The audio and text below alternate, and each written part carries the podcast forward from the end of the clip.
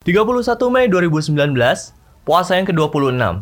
Ada satu hal yang pasti menghampiri setiap manusia dan semua makhluk yang hidup, yaitu kematian. Ngebahas tentang kematian selalu dipandang sebagai suatu hal yang menakutkan. Padahal, semua yang bernyawa pasti akan mati. Entah hari ini, besok, ataupun lusa. Bisa aja gue yang duluan, atau juga kalian yang duluan. Kematian tidak memandang apa pun, tidak melihat usia, mau muda atau tua, seberapa tinggi jabatan, dan seberapa banyak harta yang ditinggalkan. Karena saat waktunya sudah tiba, lu harus sudah mempersiapkan.